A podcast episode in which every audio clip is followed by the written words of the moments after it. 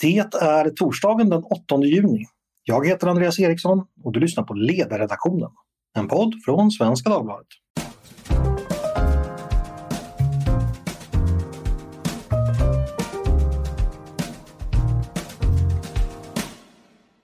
Varmt välkomna ska ni vara till dagens avsnitt. Förra året var det ju som bekant val i Sverige. En del av lyssnarna kanske kan dra sig det till minnes. Det blev ett jämnt val som slutade med en knapp seger för det borgerliga blocket med stöd av Sverigedemokraterna. Det som idag kallas Tidöpartierna. Socialdemokraterna, Sverigedemokraterna och Miljöpartiet gick framåt, övriga partier bakåt. Och den gamla borgerligheten som den såg ut under alliansåren nådde sitt sämsta resultat på många år. Varför gick då valet som det gick? Vad rörde sig i väljarnas huvud när de väl la sina röstsedlar? Och hur ska man tolka resultatet? Det ska vi prata om idag utifrån gedigen kunskapsgrund. Jag har nämligen med mig Henrik Ekengren Oskarsson, professor i statsvetenskap vid Göteborgs universitet med särskild inriktning mot valforskning. Varmt välkommen hit Henrik! Ja, tack så mycket! Och du leder också det svenska valforskningsprogrammet. Eh, ja, du kan kanske kort börja med att berätta om eh, VALU och valforskningsprogrammet. Vad är det för, för olika saker? Ja, om vi börjar med valforskningsprogrammet så är ju det ett forskningsprogram som rullar på ända sedan början av 1950-talet. Eh, ända sedan den tiden har Göteborg var en högskola. Mm. Eh, och det är ju där vi har våra långa, långa serier av undersökningar.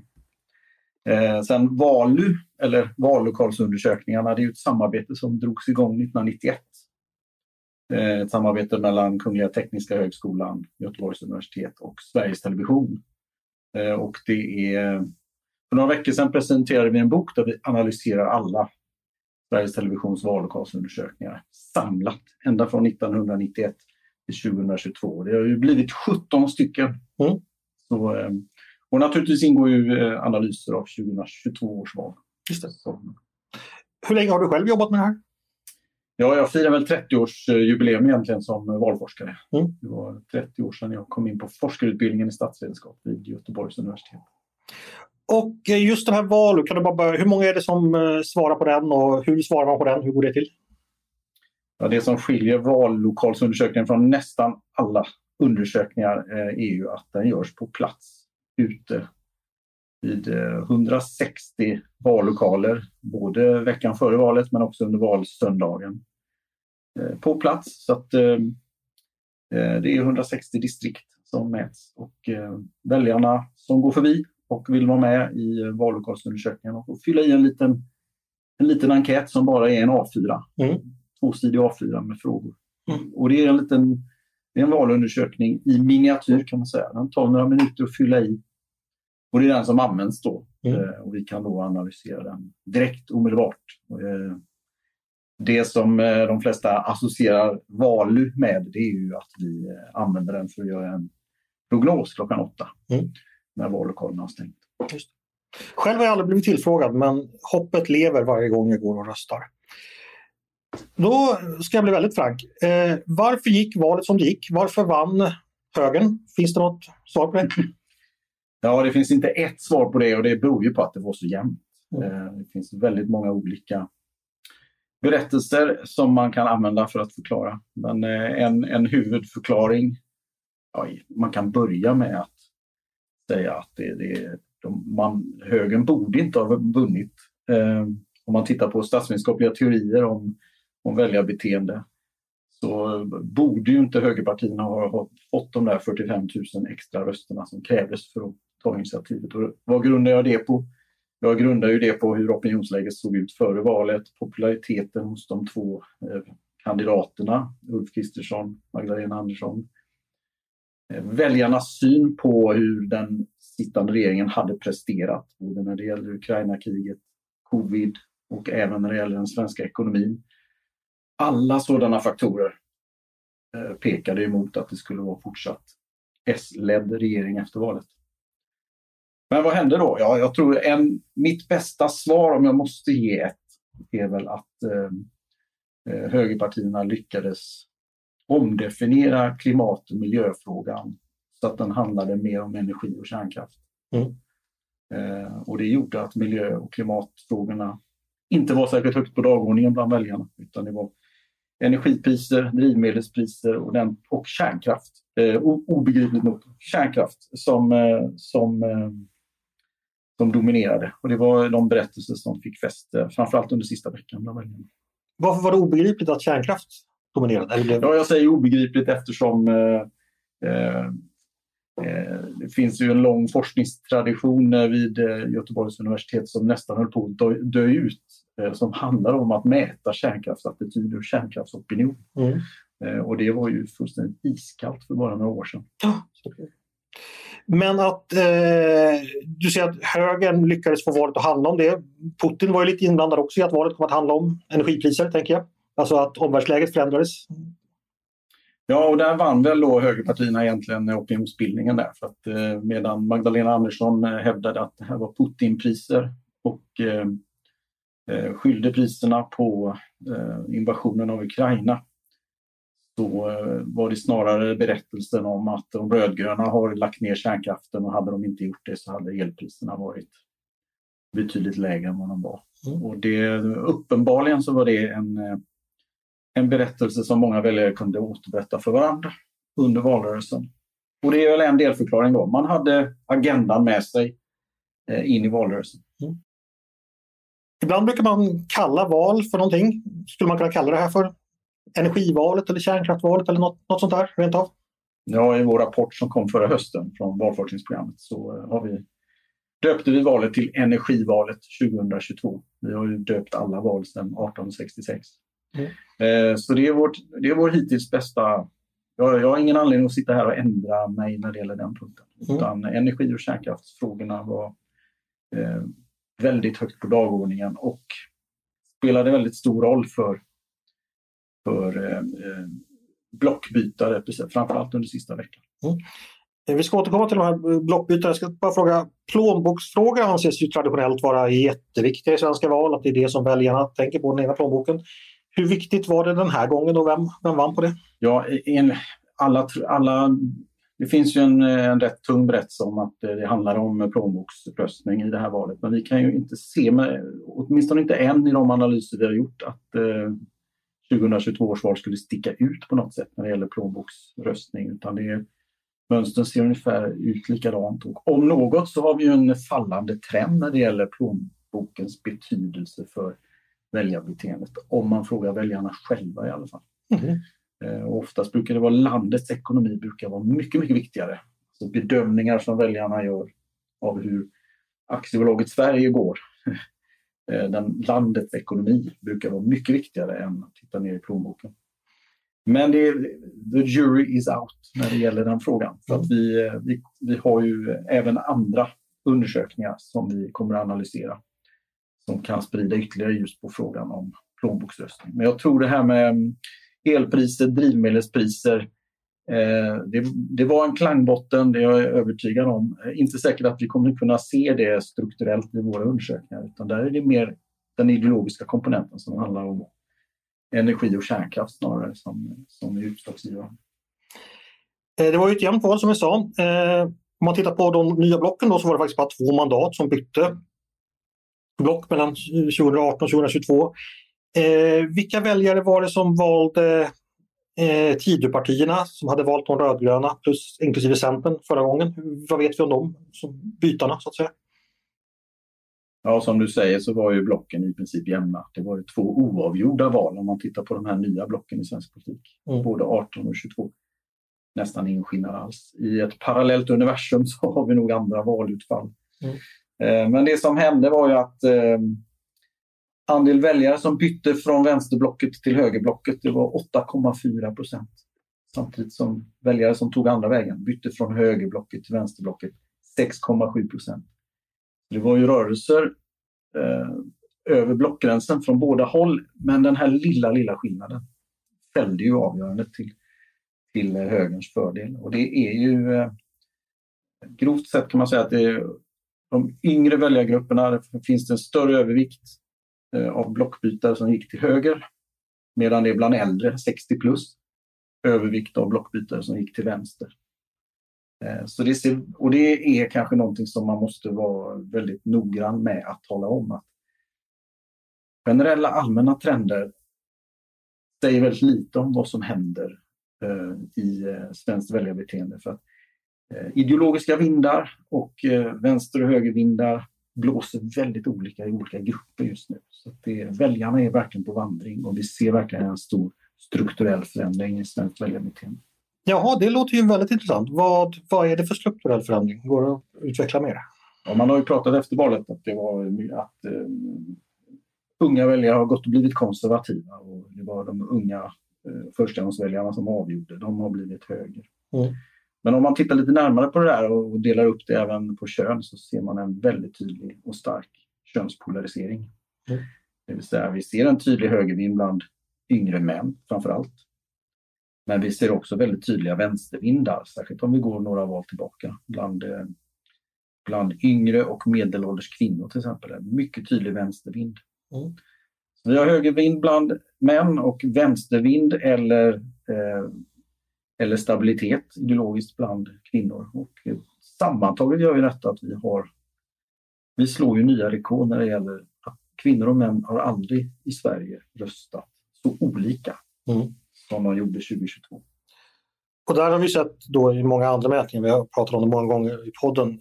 Jag vet inte, hur, vad säger juryn här? Är den, är den fortfarande ute och överlägger eller finns det några tydliga svar vi har där varför det skiljer så mycket mellan kvinnor och män? Mer än det har gjort historiskt?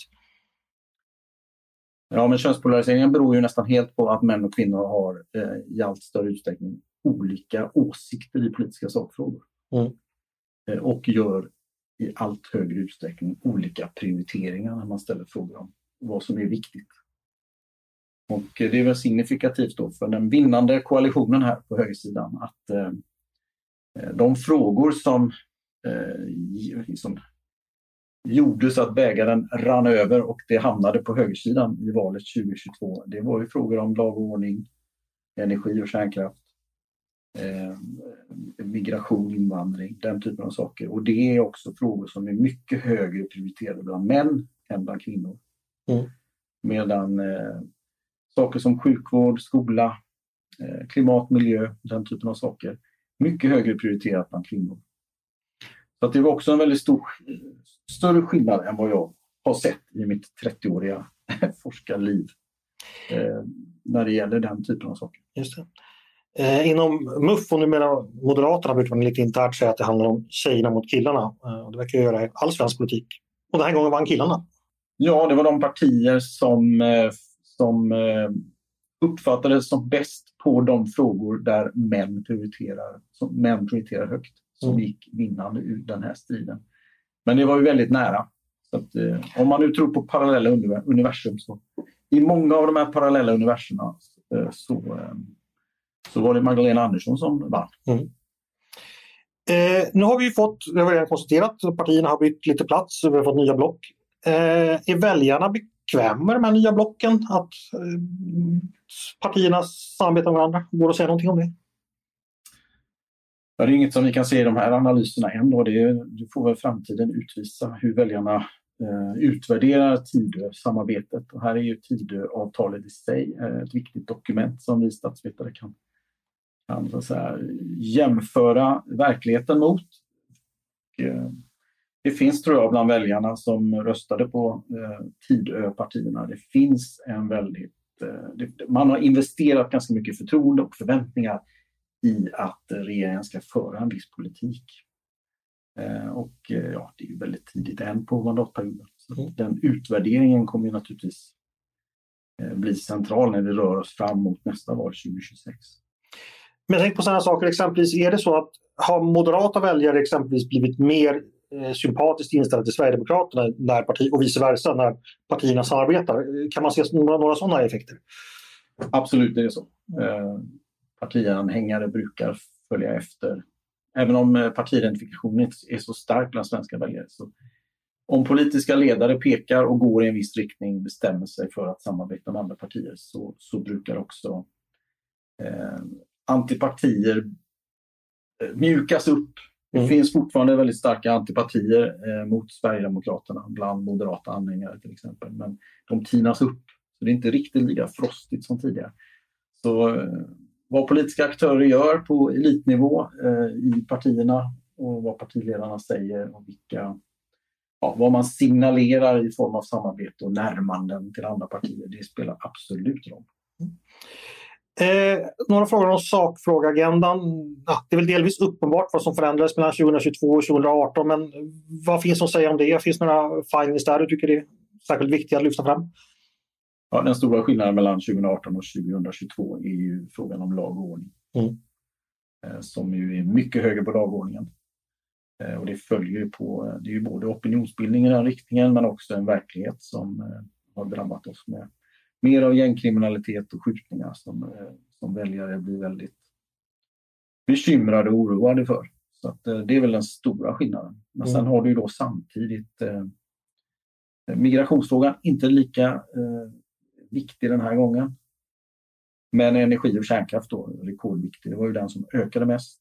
Eh, och eh, sammantaget när man ser på agendan så, eh, så är det ju lag och ordning och energi och kärnkraft som aldrig har legat så högt på dagordningen i ett svenskt riksdagsval. Mm. Pandemin då, som ändå var det en minst sagt dominerande händelse under mandatperioden.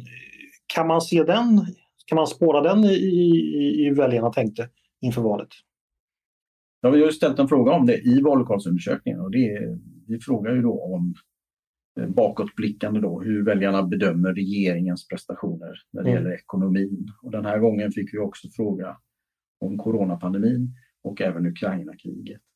Eh, och på alla dessa punkter så, eh, så är ju väljarna väldigt, väldigt nöjda. Mm utvärdering bakåt brukar ju i, i traditionell väljarbeteendeforskning brukar det vara en väldigt viktig, framförallt när det gäller ekonomin och ekonomiska bedömningar, brukar ju vara väldigt, väldigt viktig för att förklara varför regeringar sitter kvar eller varför regeringar eh, inte sitter kvar. Mm. Så att, eh, om man bara ska titta på de faktorerna så är det ju naturligtvis märkligt att det blev regeringsskifte. Mm. För det strider mot de eh, teorier som utvecklats under lång tid. Ja, jag jobbar ju på en tidning som tillhörde den dåvarande oppositionen. Till och med jag är nöjd med regeringens covid-strategi. Inte alla på redaktionen kanske, men det, det, är ändå en sak jag har räknat på att Magdalena Andersson och Socialdemokraterna, Stefan Löfven var det då, hade så mycket opinion bakom sig då, men det har liksom inte betalat sig i form av... Men det kanske är så att pandemin är över, man vet inte vad som väntar. Väljarna tackar kanske inte. Mm. Nej, men allting förändrades ju i ett slag egentligen den 24 februari. För att, eh, dagen efter skulle ju Coronakommissionen presentera mm. sin slutrapport som ju också innehöll en hel del kritik. Men mm. den kom ju helt bort mm. när Ryssland invaderade Ukraina. Det betydde att eh, eh, det blev ingenting om coronapandemin och utvärderingen av den eh, i valrörelsen. Det kanske det kunde ha blivit mer av om inte Ukraina-kriget kommit. När det gäller sakfrågor, alltså man brukar tala om ägarskap då, att eh, vissa partier är då starkast i vissa sakfrågor. Eh, såg vi några signifikanta skillnader mellan 18 och 22 där i det ägarskapet? Byttes det på några håll? Sakfrågeägarskap, det vill säga vilka partier som väljarna bedömer har bäst politik på olika områden. Eh, det är ju saker som är väldigt, väldigt stabilt över tid. Så att, eh, det, de fighter som man kan eh, kika på det är ju eh, vem av Socialdemokraterna och Moderaterna som vinner ekonomin. Mm. Den här gången var det inget byte där, Socialdemokraterna vann den. Eh, var det Moderaterna eller Sverige, var, var, det Socialdemokraterna eller Sverigedemokraterna som vann kampen när det gäller eh, integration, migration? Ja, den här gången var det Sverigedemokraterna. Det brukar vara den här typen av matcher vem vinner skolan? Är det Liberalerna eller är det Socialdemokraterna? Där har vi sett några byten eh, i närtid. Eh, vi vann väl Socialdemokraterna den här gången också där. Men annars brukar det vara väldigt stabilt och det är en väldigt... partierna får inte slarva med, om man nu äger en sakfråga, som till exempel Miljöpartiet gör med miljön. Mm. Så får man absolut inte slarva bort den för att det är guld värt när man möter väljarna i valrörelser. När du tittar på resultatet, eh, all den data ni har, är det någonting som du tycker framstår som, som en gåta? Eh, eller är allting ungefär rimligt och förklarbart utifrån de gängse teorier och kunskapsmassa som fanns innan? Ja, både ja och nej. Eh, I någon slags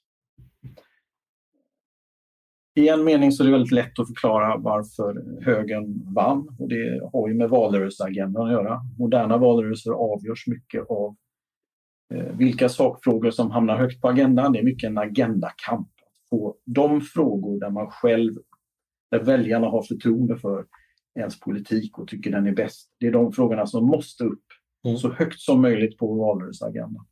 Och det lyckades högern med. Eh, och lyckades eh, också ta tillvara på de eh, möjligheter som fanns. Så att, eh, I den dragkampen så, så är det ju lätt. För det här med att, att bedriva opinionsbildning under valrörelser och försöka ändra människors uppfattningar och sätt att tänka, det är ju ganska lönlöst. Utan det handlar mycket om eh, att försöka påverka vilka frågor som eh, väljarna har högt upp eh, bakom pannbenet just när de slutligen bestämmer sig. Mm. Och hade man då kört valrörelsen i repris, eh, om du tänker att man har vridit upp lite grann, om det hade handlat lite mer om miljö, klimat, välfärd, sjukvård, eh, så hade de där 45 000 rösterna som skilde till slut, de hade ju snabbt försvunnit bort och det hade kanske tippat över på vänsterkanten istället. Eh, kanske en spekulativ fråga, men jag vill ändå höra vad du tänker. Eh, pandemin satte fokus på det offentliga åtagandet, eh, det gemensamma starka samhället, alltså starka traditionella socialdemokratiska värden inbillar jag mig att vi har en sjukvård som finns till för alla, som fungerar och så vidare. Skulle man kunna tänka sig att Socialdemokraterna hade kunnat utnyttja det bättre eller om pandemin hade inträffat närmare valet hade det kunnat förändra? Vad tänker du om det? Min idé är liksom att pandemin hann bli lite bortglömd mm. emellan. Ja, det finns många frågor att ställa om den socialdemokratiska kampanjen. Jag tror att eh, en, en berättelse som vi får nagelfara lite mer, det är väl att eh, Socialdemokraterna ändå förde en ganska passiv valrörelse där man inte gick eh, på offensiven egentligen. Man trodde helt enkelt att Magdalena Anderssons eh, popularitetsförsprång, förtroendeförsprång eh, och väljarnas bedömningar av regeringspolitik att det skulle räcka hela vägen. Mm. Och det hade det kanske gjort om valet varit några dagar tidigare. Eh, men det finns en passivitet där. Eh, det är nog mycket socialdemokratisk politik som faktiskt aldrig rullades ut för att man valde att ligga lågt helt enkelt. Och sen kom ju det här elstöd, det stora elstödförslaget för, för Socialdemokraterna. Eh, det, det överraskande nog, när jag tittar tillbaka på valrörelsen, det kom väldigt tidigt. Det kom redan den 17 augusti. Mm. Det här med 30 miljarder till företagen, 30 miljarder till hushållen i elstöd. Det var väldigt illa tajmat nu när man tittar tillbaka på, på valrörelsen. vad hade hänt om det utspelet istället kommit sista veckan? När det är så här jämnt så kan ju precis vad som helst egentligen mm. tippa. Jag tror Socialdemokraterna också räknar ganska mycket på att SD skulle vara den sjunkande stenen på andra sidan. Att man fick den här situationen där man då var icke-SD så att säga och andra alternativet var SD. Men uppenbarligen så räckte inte det, det heller. Jag, jag tror att de tänkte så, jag, men jag är inte säker. Ja, och det syns ganska tydligt i vallokalsundersökningar också. Just de frågor där det faktiskt fanns en stor åsikts, en relativt stor åsiktsgemenskap mellan Tidöpartierna. Lag och ordning, kärnkraft, energi eh, och migration just på de områdena så ser vi en, en, en betydligt mer tajt eh, väljargrupp som stöder de partierna medan det spretar mer på vänstersidan. Och eh, det är möjligt att det också har eh, en, eh, en, en bäring här på förklaring varför det gick som det gick. Eh, att Kristerssons, på min sida om politiken som Kristersson hela tiden sa, uppfattades till slut under sista veckan som mer sammanhållen mer tajt åsiktsmässigt än vad den rödgröna sidan gjorde. Vilken roll spelade partiledarna den här gången? Brukar de spela roll förresten? Nej, de brukar inte spela så stor roll. Det, det kryper långsamt, långsamt upp när vi tittar på, eh, går tillbaka till 1979 när vi har de första mätningarna egentligen av partiledarpopularitet så kan vi se det betyder lite, lite, lite, lite mer hela tiden. Ehm, Tittar vi på vallokalsundersökningen så är det ju all, det är liksom rekord när det gäller andelen väljare som tycker att partiledaren hade stor betydelse för röstning. Och det är ju framförallt Jimmy Åkesson och Magdalena Andersson som driver det sambandet. Mm. Um, Men totalt sett så är det ju när partier byter ledare, det är då de verkliga partiledareffekterna äger rum. Nära in på ett val är det rätt svårt att hitta eh, eh, liksom partiledare som är ordentliga dragplåster eller sänken för sina partier. Mm. Generellt sett.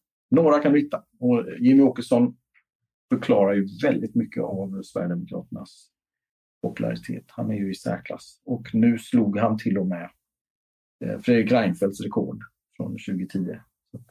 Jimmy Åkesson är nu den partiledare i Sverige, i alla fall under den här perioden eh, som vi har undersökt, som haft störst andel väljare som, som nämnt partiledaren som viktig förklaring.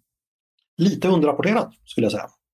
Att Jimmy Åkesson har en, eller tycker, kan jag tycka från mitt horisont, du kanske hör det ofta men Ja, alltså eh, eftersom eh, det, det är oftast när man presenterar den här typen av böcker så är det ju oftast eh, kapitlet om partiledarnas betydelse som, som människor vill höra mer om. Så att, eh, ja, nej, men vi, vi, vi rapporterar, allting är ute, allting går att ladda ja, ner. Jag menar inte er, jag menar vi i media, att vi inte har ja, förstått. Varför, varför vissa saker eh, koms ihåg och annat glöms bort, det, det frågar jag mig själv. En sak som jag tycker är jätteintressant, det var siffror som SCB publicerade bara några veckor sedan som visar att eh, valdeltagandet gick ju ner lite, eh, men det gick ner olika mycket i olika grupper och utlandsfödda gick det ner mest. Och vi vet ju då att utlandsfödda traditionellt har röstat eh, Socialdemokraterna och Vänsterpartiet har varit starka där exempelvis, medan andra partier inte varit lika starka. Så jag tänker på när valet var så här jämnt så kan ju mycket väl det har avgjort valet. Eh, nu tittar ja, val besvaras ju förstås av folk som väl går och röstar. Men, men, men vad tänker du om det? Eh, valdeltagandet just, ja, just utlandsfödda, vad, vad finns det att säga om det? Ja, valdeltagandet är ju egentligen ett mått på social integration. Liksom. Ju, ju, ju, mer socialt integrerad du blir, eh, lär dig språk, eh, går in på arbetsmarknaden, utbildar dig. Varje steg du tar in i samhället gör att du också ökar din benägenhet att rösta i val. Mm. Så det är ju ingen, eh, det är ingen nyhet att svagt socialt integrerade grupper röstar i lägre utsträckning. Eh, sen är det ju en, en stor del av förklaringen till varför valdeltagandet sjunker mest i de här grupperna är ju att det kommer till nya grupper som tidigare inte har röstat, som mm. haft rösträtt. Så det är många utrikesfödda som hade rösträtt för första gången i samband med 2022 års val. Det är också en faktor att ta hänsyn till. Det kommer bli tyvärr ganska svårt att undersöka det du, det du eh, var inne på där, nämligen om en ökad mobilisering i den gruppen eh, hade kunnat vända, eh, hade kunnat avgöra valet till, på, något, på något annat sätt. Och det beror ju på att den här typen av grupper brukar ju heller inte vara särskilt benägna att vara med i den här typen av frågeundersökningar. Mm. Eh, så det handlar om att eh, försöka eh, göra uppskattningar med hjälp av offentlig officiell statistik helt enkelt över valdeltagandet. Och det kan vi göra bättre i Sverige nu för tiden eftersom vi, vi har så kallat totalräknat valdeltagande sedan några år tillbaka. Vilket innebär? Vilket innebär att eh, röstlängderna är inskannade så att eh, vi kan göra väldigt noggranna analyser av hur, hur valdeltagandet sett ut i olika grupper mm. och på olika platser. Precis. Jag kan säga då att jag har ju haft eh, representanter både för Moderaterna och Socialdemokraternas valanalys och valutvärdering eh, hos mig på den tidigare. Och båda har pratat om det här. De har ju förstås inte den data du sitter på men de gör ju spaningar från sitt håll och pratar just om det här mobiliserade och de nämner också båda partiet Nyans som då eventuellt skulle kunna tänkas, i en hypotes, vara stark i de grupper som inte röstar eller eventuellt skulle kunna mobiliseras. Så jag tänker att det kan bli viktigt inför framtida val, om inte annat.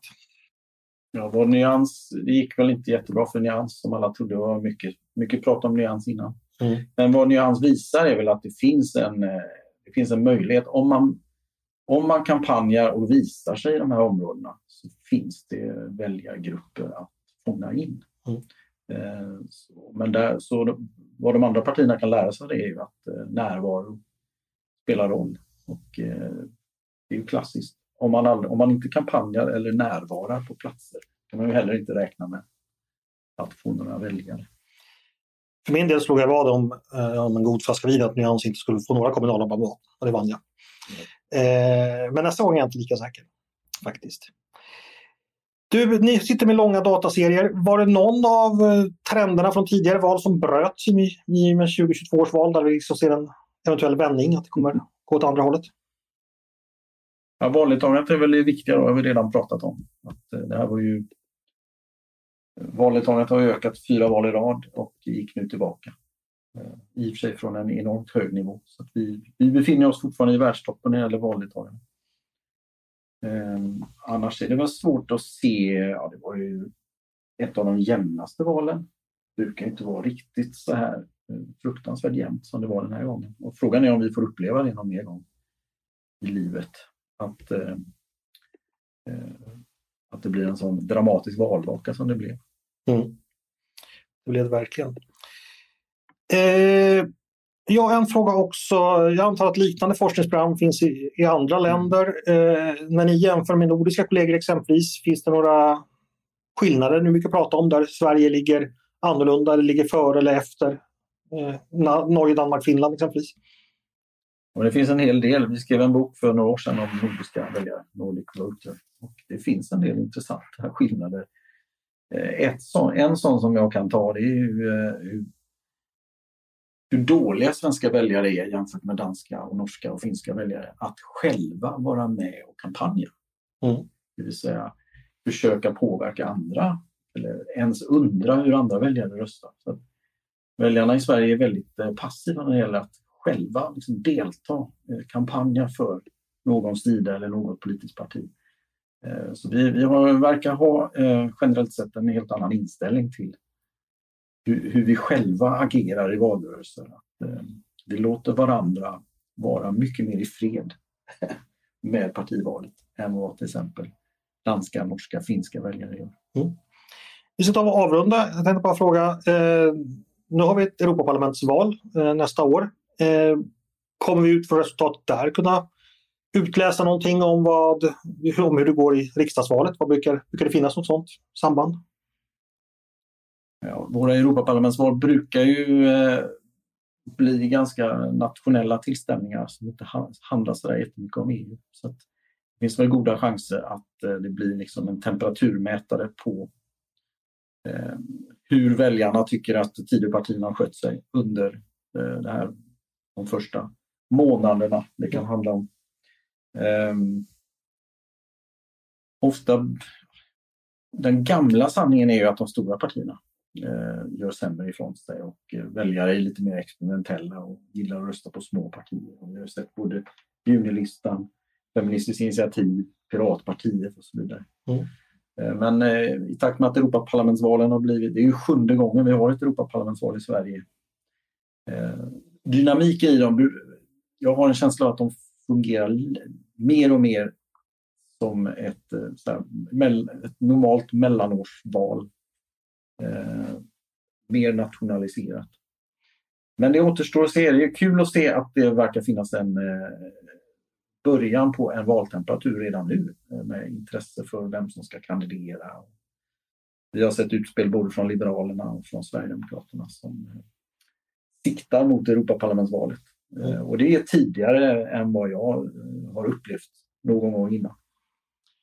Du, en sista fråga. Eh, valforskare de får inte påfyllning av data så ofta eftersom vi inte har val så ofta. Eh, vad tittar du på för andra siffror och serier som hjälper dig att förstå hur opinionen utvecklas? Eller om du gör det? Ja, nej, men vi, har ju, eh, vi har ju en hel del datainsamlingar i, under, under, under mellanvalen också. Och det, är ju, det är ju därför SOM-institutet kom till, mm. eh, för att fylla det behovet av mellanårs mellanvalsmätningar. Så vi har ju de eh, årliga SOM-mätningarna som SOM-institutet gör. De är ju väldigt viktiga för att kunna följa trender i väljarbeteende, särskilt när vi ser en sån dramatisk förändring av det politiska landskapet så kan vi inte vänta fyra år i taget utan vi måste studera de här sakerna eh, under resans gång. Särskilt när vi har det här parlamentariska läget, nya samarbetsmönster växer fram och så vidare. Ehm, så ehm, det är väl det viktiga forskningsmaterialet som vi har. Och det kan även lekmän hålla koll på via era skriftserier och seminarier. Ja, nej, men vi publicerar ju alla möjliga rapporter. Allt från faktablad till eh, rapporter till bokkapitel till internationella tidskriftsartiklar. Så att, eh, men man kan ju börja med att ladda ner eh, boken Väljarna avgör mm. som kom för några veckor sedan. Det tycker jag verkligen man ska göra. Stort tack Henrik Ekengren Oskarsson för att du kom till podden idag. Tack så mycket. Tack också till er som har lyssnat. Jag hoppas ni tyckte det var intressant att lyssna på dagens avsnitt av Ledarredaktionen. En podd från Svenska Dagbladet. Jag ska också passa på att beklaga eh, dagens ljud som inte är av bästa kvalitet. Det beror på omständigheter som eh, jag inte riktigt rådde över men jag har eh, jag ska berätta på Fredagspodden imorgon alla, alla mina vedermödor med att hitta en bra studio idag. Men jag hoppas ni tyckte det var intressant i alla fall. Ni är varmt välkomna att höra av er till redaktionen med tankar och synpunkter på det vi precis diskuterat. Eller om ni har idéer och förslag på vad vi ska ta upp i framtiden. Det är bara att mejla till ledarsidan svd.se. Dagens förmodligen hårt prövade producent, det han har varit, heter Jesper Sandström. Själv heter jag Andreas Eriksson och jag hoppas att vi hörs igen snart.